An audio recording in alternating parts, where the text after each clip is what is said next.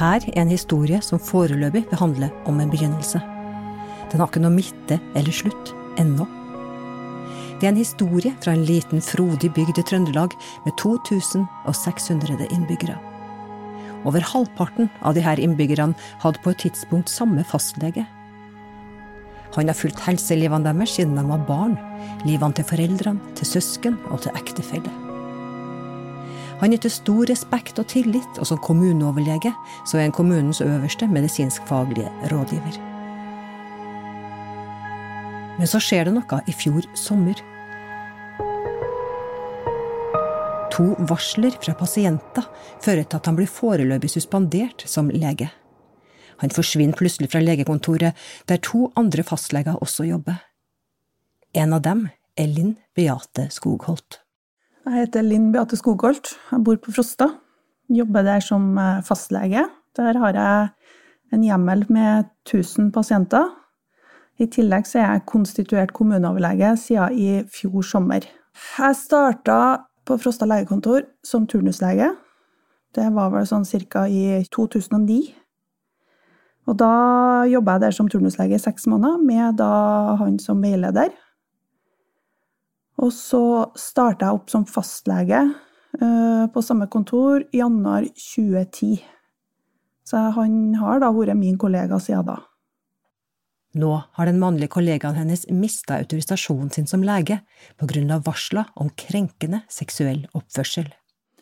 Jeg tror det første jeg fikk lært på når jeg begynte som lege, det var at det var to ting du skulle gjøre for å unngå at uh, autorisasjonen din fjor. Det var ikke ha noe seksuell omgang med dine pasienter, og ikke rus deg.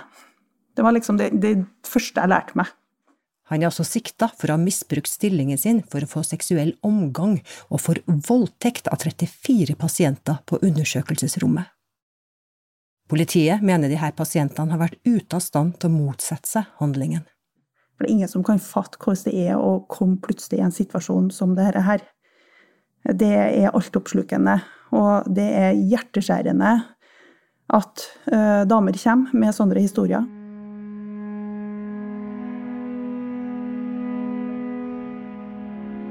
Når legen er sikta, så betyr det at han er under etterforskning, og at han mistenkes for å ha begått en straffbar handling. Først når påtalemyndighetene anklager han og mener at han kan dømmes for et lovbrudd, da får han status som tiltalt. Under hele saken så er han uskyldig inntil det motsatte er bevist. Derfor er det mye vi ikke vet i denne begynnelsen av en historie ennå. Det kommer også granskning både av kommunen og forvaltning. Men det vi uansett vet, er at 90 kvinner i denne lille frodige bygda i Trøndelag har anmeldt fastlegen sin.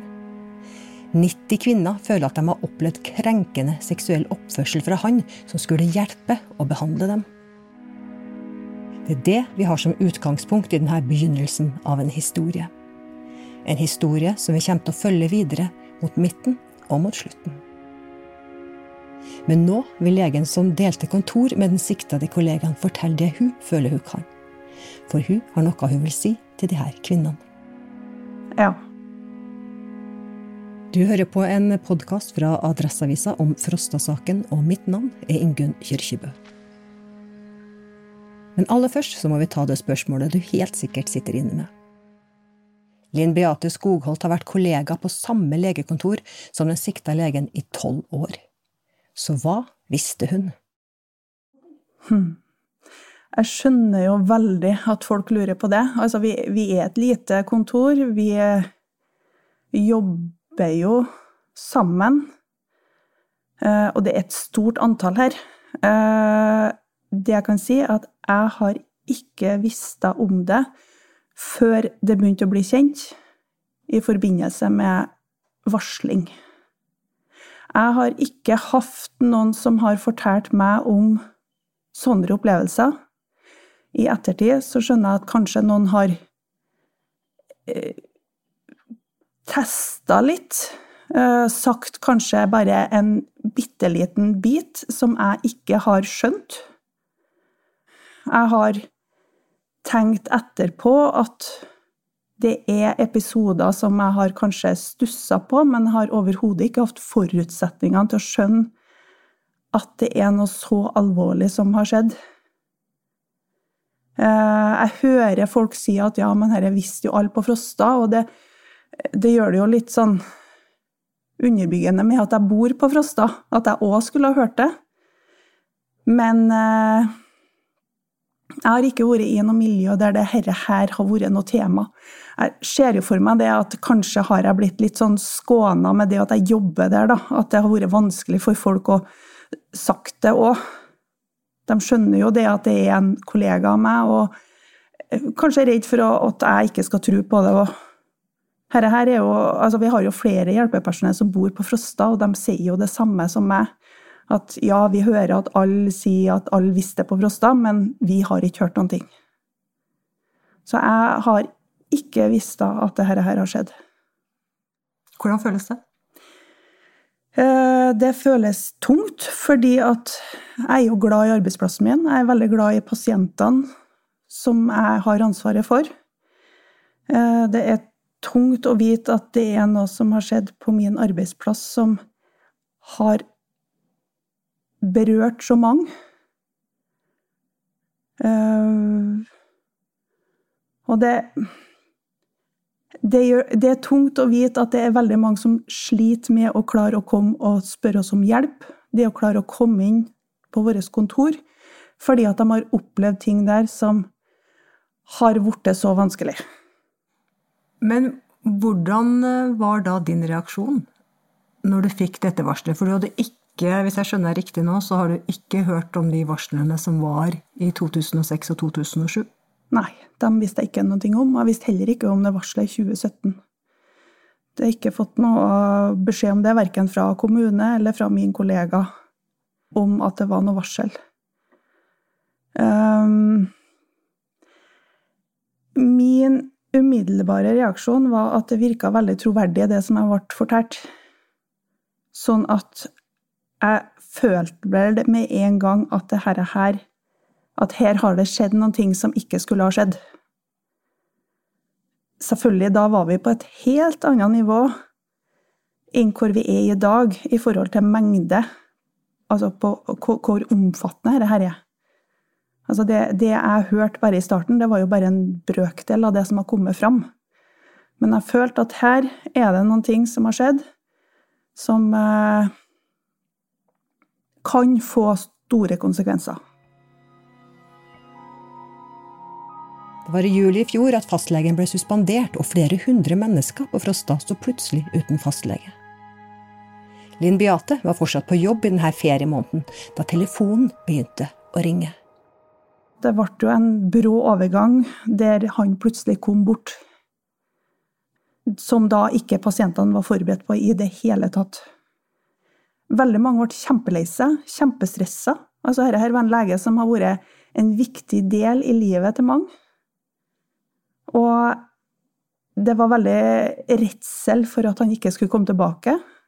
Det var den ene sida. Mens den andre sida så eh, begynte jeg å bli kontakta av kvinner som ville fortelle at vet du hva, jeg tror noe sånt har skjedd med meg òg. Det ble fort kjent på Frosta hva som var årsaken til eh, suspenderinga.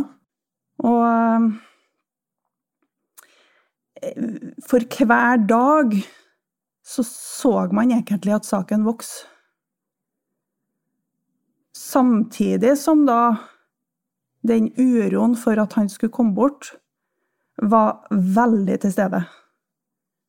Sånn at jeg kunne oppleve først en time der jeg fikk høre om ting som har skjedd. Der jeg da råda til at dette må du melde til Helsetilsynet. Altså det jeg har ikke noe myndighet til å gjøre noe med det uansett, jeg kan bare lytte. Mens neste time så måtte jeg trøste pasienter som var kjempelei seg for at han var borte. Så det, det ble veldig mange telefoner med mye historier. Jeg var veldig sånn på de historiene at jeg ønska ikke å høre noen detaljer om hva som har skjedd, men det bare flomma over. Og da fikk jeg da eh, flere og flere historier. Flere og flere telefoner.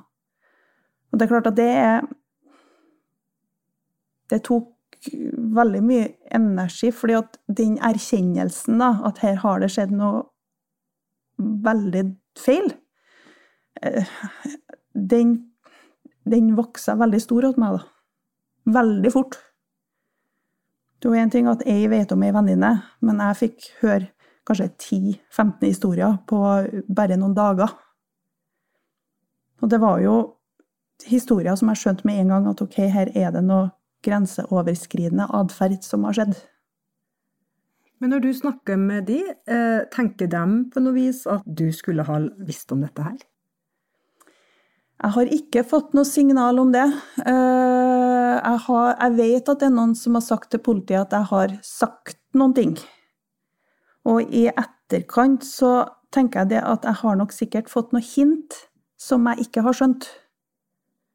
Og jeg tenker også det at det har sikkert vært naturlig for dem å teste meg litt om jeg har eh, reagert eller ikke. Og jeg har nok sikkert oversett en del der. Og det er jeg jo kjempelei meg for. Men jeg, jeg tenker at det har vært så små drypp at jeg har uansett ikke skjønt omfanget.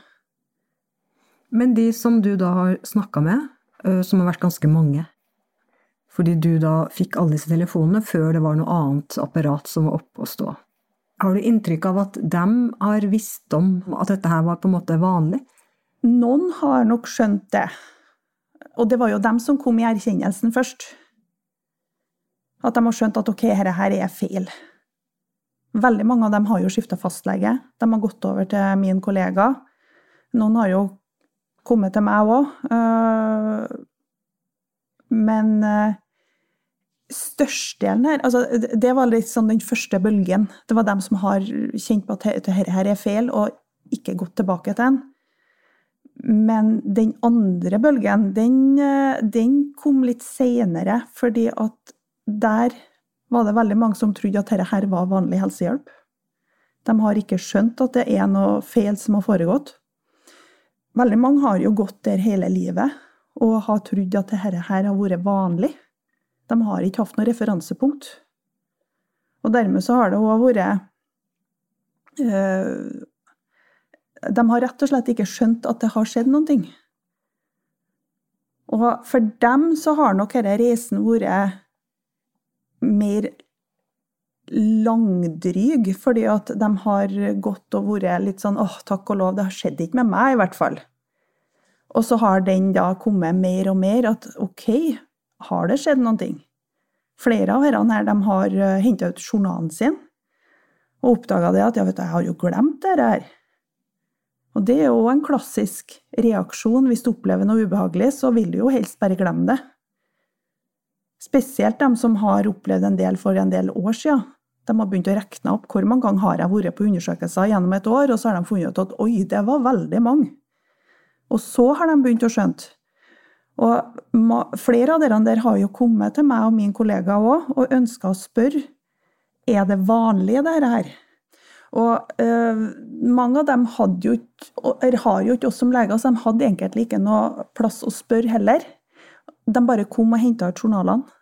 Altså, vi har skrevet ut så mye journaler, og ifølge helseloven så skal de jo få lov til å hente ut journalen sin. Og de har òg egentlig rett til å ha noen som kan si hva betyr dette her? Men der hadde vi rett og slett ikke kapasitet, og jeg, jeg syns jo det er fryktelig vanskelig å tenke på at det, hvor mange av de damene som satt der med journalen sin og måtte finne ut av dette her sjøl, og kom fram til at du, ja, her har det skjedd noen ting. Så det er utrolig mye vanskelige følelser her, her som kanskje ikke er knytta til en vanlig overgrepssak. Fordi at det tar så lang tid før erkjennelsen kommer her, at her har det skjedd noe med meg òg. Men for noen som ikke har opplevd det her, så vil det kanskje virke litt underlig at man ikke skjønner at man er utsatt for noe som er så feil, og at man ikke reagerer, og at man ikke sier fra. Mange har jo holdt det her for seg sjøl fram til nå, så hva er det med denne relasjonen mellom lege og pasient som er så spesiell at sånt kan skje? Jeg tror nok ikke det finnes noen mange yrkesgrupper som har mer tillit til at de vet hva de holder på med, enn leger. Og det er akkurat den tilliten til at de tror at legen gjør det de kan for å ta vare på helsa di. Altså, jeg har fått så respekt for akkurat den der balansen der. Altså, man kaller det jo maktbalanse, men eh, det at du er redd for helsa di, det, det sitter så i oss. Og hvis det blir brukt som et argument for å få gjennomført undersøkelser, så godtar du alt. Fordi du på en måte er redd òg, ikke sant? Ja, du er kjemperedd. Mm. Og får du beskjed at vet du, her må vi gjøre noe med, så kommer du selvfølgelig tilbake.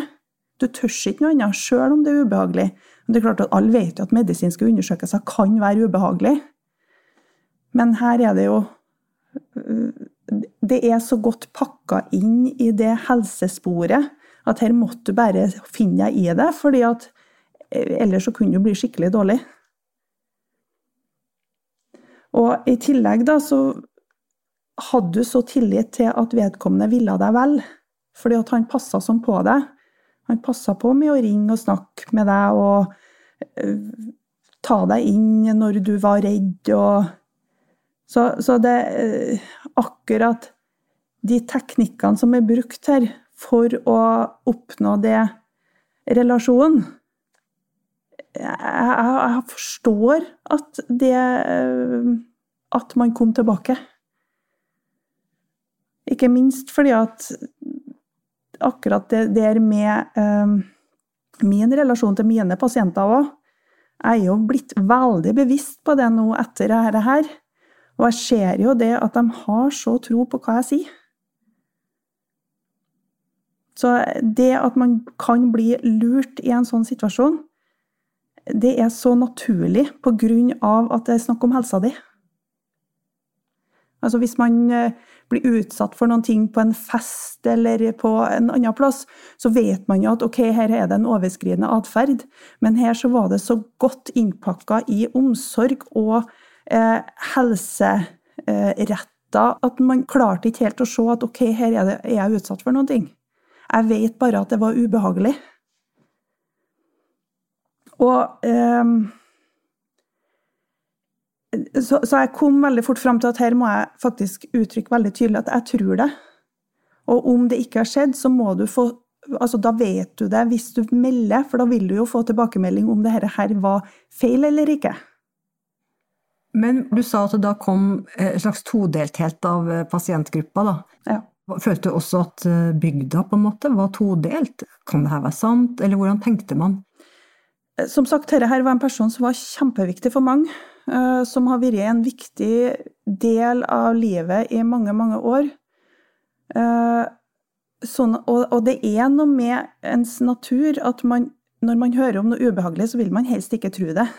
I hvert fall ikke når det er, gjelder noen man er glad i. Så jeg, jeg forstår jo at folk da ikke ville tro på det. Det er noe med faser her. Altså, det er en fase der, der med at man er i tvil. Så er det en fase med at ok, det er en erkjennelse, og så kommer man videre med eh, da at ok, han aksepterer det. Og her var de på Frosta i veldig ulike faser. Og det har de egentlig vært helt fram til informasjon om filming kom. Den kom vel etter jul, tror jeg. Da var det nesten så hele bygda ble skutt inn i den fasen med erkjennelse og aksept. Ok, det har skjedd noen ting. Men før der så var det veldig todelt. Og det gjør det jo vanskelig. Vi er ei bygd. Alle snakker om dette her. Og det, det, det, var veldig vanskelig for dem som har vært utsatt for noen ting. For de fikk jo kommentarer altså det, det, er jo greit nok at de ikke fortalte at de har vært noe berørt, men det ble snakka om på butikken, på sparemøter med damer som treftes. Og de måtte jo hele tida forholde seg til at det var folk som ikke trodde noe på det.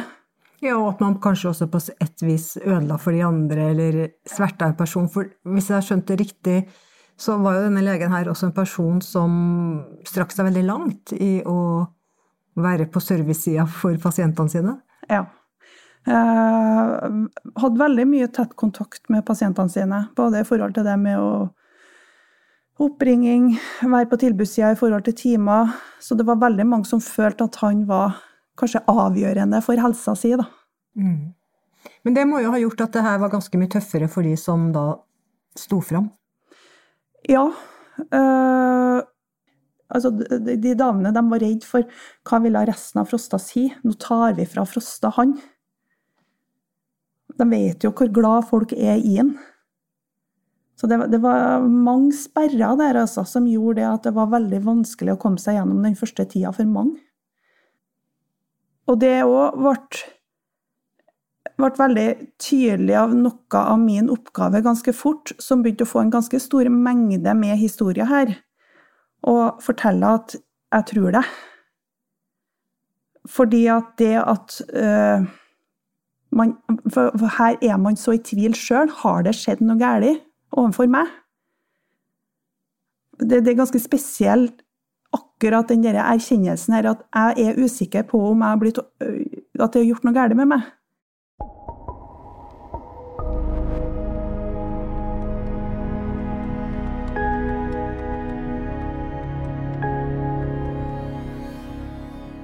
På mange måter så er legekontoret på Frosta blitt arnstedet for en veldig vonde opplevelse for veldig mange. Mm.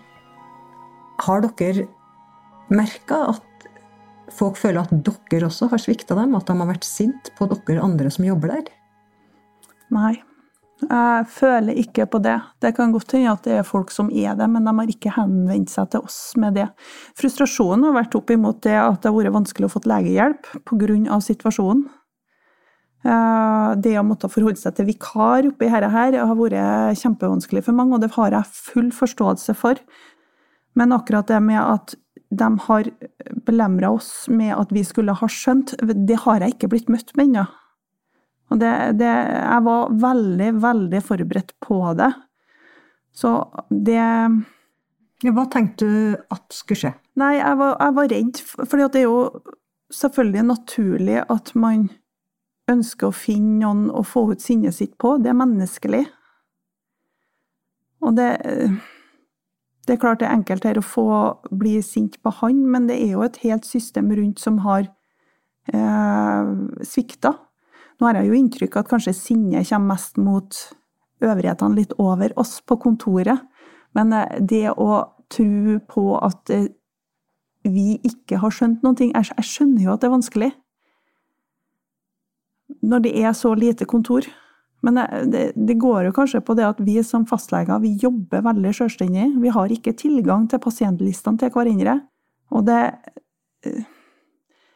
Det med at man kun har tilgang til pasientene hvis andre fastlegen er på ferie, gjør jo det at vi har ikke hatt sjanse å gått inn og rekna hvor mange vedkommende har vært på GU. Altså, det, det har gjort at det har skjult alt det her, da. Jeg tror, jeg tror, i stedet for sinne mot oss, så har det vært omsorg mot oss. At stakkars dere, dere må nå begynne å bli slitne av dette, går det bra med dere, dere må nå ikke gå på veggen, dere. Hva gjør vi da, hvis dere kommer bort her nå? Så det, det er omsorg som har vært god å ha med seg, da. Den omsorgen du har møtt fra pasienter, gjelder det også de som føler at de har opplevd eh, krenkelser på legekontoret? I hvert fall det som er uttrykt til oss. Så, så, har jeg inntrykk av at de har forståelse for at vi har stått i noe, vi òg. Eh, og jeg, jeg, føler at de har trodd oss. Men likevel så føler jeg at det er viktig at det blir sagt. At hva blir sagt? At vi ikke visste noen ting og at vi tar fullstendig avstand fra det som har skjedd. Du føler ikke at de klandrer dere på noen måte? At dere ikke oppdaga dette her? Nei, jeg føler ikke det. Jeg har ikke mottatt noe sånt signal. Men jeg skjønner at spørsmålet blir spurt. Og kanskje blir de spurt mer utenfor Frosta inn i Frosta òg. Klandrer du deg sjøl? Nei, jeg tenker at om jeg skulle ha klart å unngå dette her, så har jo det vært mitt største ønske i verden. Det Har jeg skjønt noen ting og visst noen ting, så har jeg skulle ha gjort noe med det. Men eh, jeg, jeg tenker hvis jeg skal klandre meg sjøl, så vil jeg drukne i dette her, og jeg må bare gå videre for å klare å være en god nok omsorgsperson òg.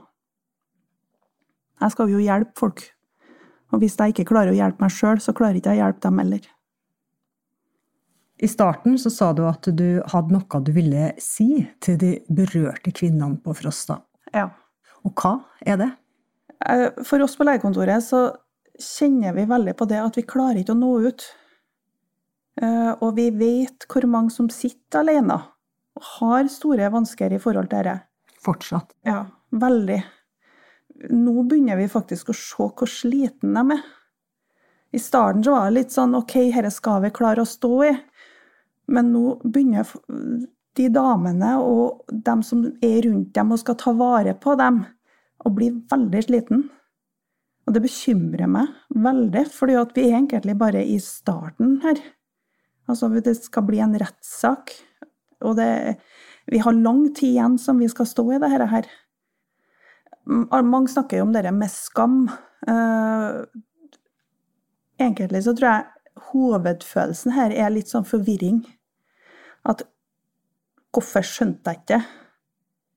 Altså, hvis jeg nå har sagt nei, hvis jeg har gjort noen ting, kanskje har dette blitt stoppa tidligere. Da er det kanskje noen som har ikke trengt å oppleve dette her. Så den skyldfølelsen er det mange som har. Og så er det fortsatt veldig mange da som er berørt, som har skyldfølelse overfor han. Altså, de er redd for at ja, men enn om jeg har overdrevet her nå, Enn om det er noe som eh, eh, blir lagt fram feil fra meg, som gjør det at det blir en annen type, en strengere straff. Og det jeg tenker det, det, er så viktig å si at ja, men det er ikke dem som skal avgjøre. De skal bare fortelle historien sin, så er det noen andre som skal avgjøre dette her.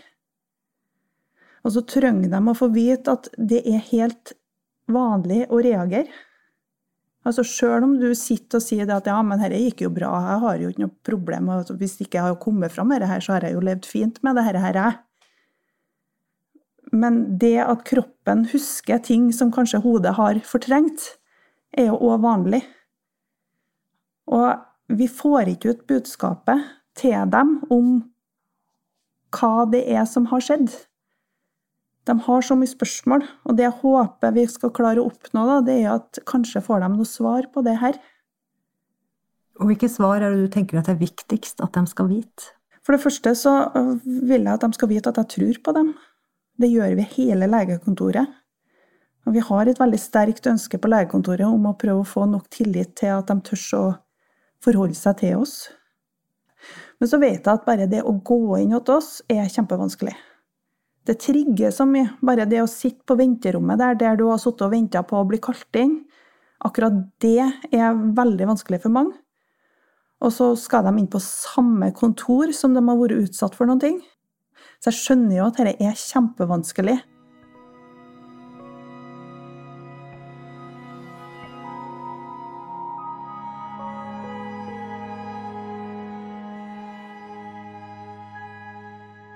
Men hva er det som har vært vanskeligst for deg i denne tida? Ja, det har vært utrolig vanskelig å høre alle de historiene. Det har vært vanskelig at Fordi at jeg er lege, jeg vet hvor viktig den, det å være lege og skal hjelpe andre er. Og her så er da min yrkestittel, min stolthet, brukt til å klare å få tilgang til andre ting. Og det, det, det, at det har foregått på min arbeidsplass, har vært kjempevanskelig. Og egentlig til en person jeg har hatt tillit til. Som jeg òg har vært stolt av å jobbe lag med. Altså, I hvert fall i forhold til hans håndtering av korona. Og jeg har jo jeg har jo følt at han har hatt tillit til meg òg. Så det å se en sånn mørk side av en person som jeg har hatt et arbeidsforhold til i så mange år, det, det har vært vanskelig å forholde seg til. Og det å klare å få min arbeidsplass til en plass jeg kan være stolt av, jeg, ja, jeg tror nok det ligger langt fram ennå, men jeg håper vi kommer dit. Og jeg håper jo òg det at de der kvinnene som har opplevd dette her, at vi kommer oss gjennom dette her sammen. Og at egentlig at Frosta kan brukes som et eksempel senere òg, til at dette ikke skal skje igjen. Altså at vi hjelper da andre som kanskje blir utsatt for noe lignende, til å klare å kjenne igjen dette her, at dette er ikke rett. Så det er mitt eh, framtidsønske.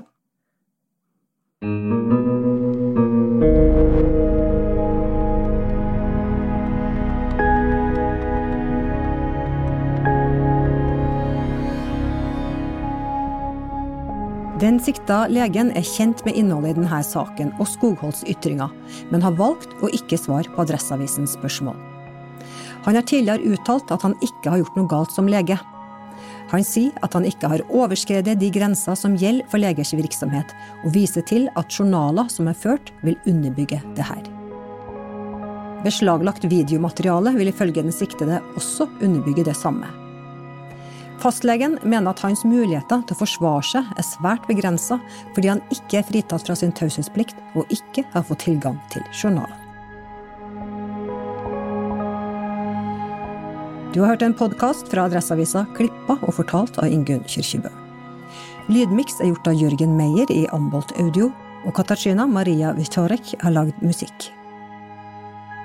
Vi kommer til å lage flere podkaster om Frosta-saken framover.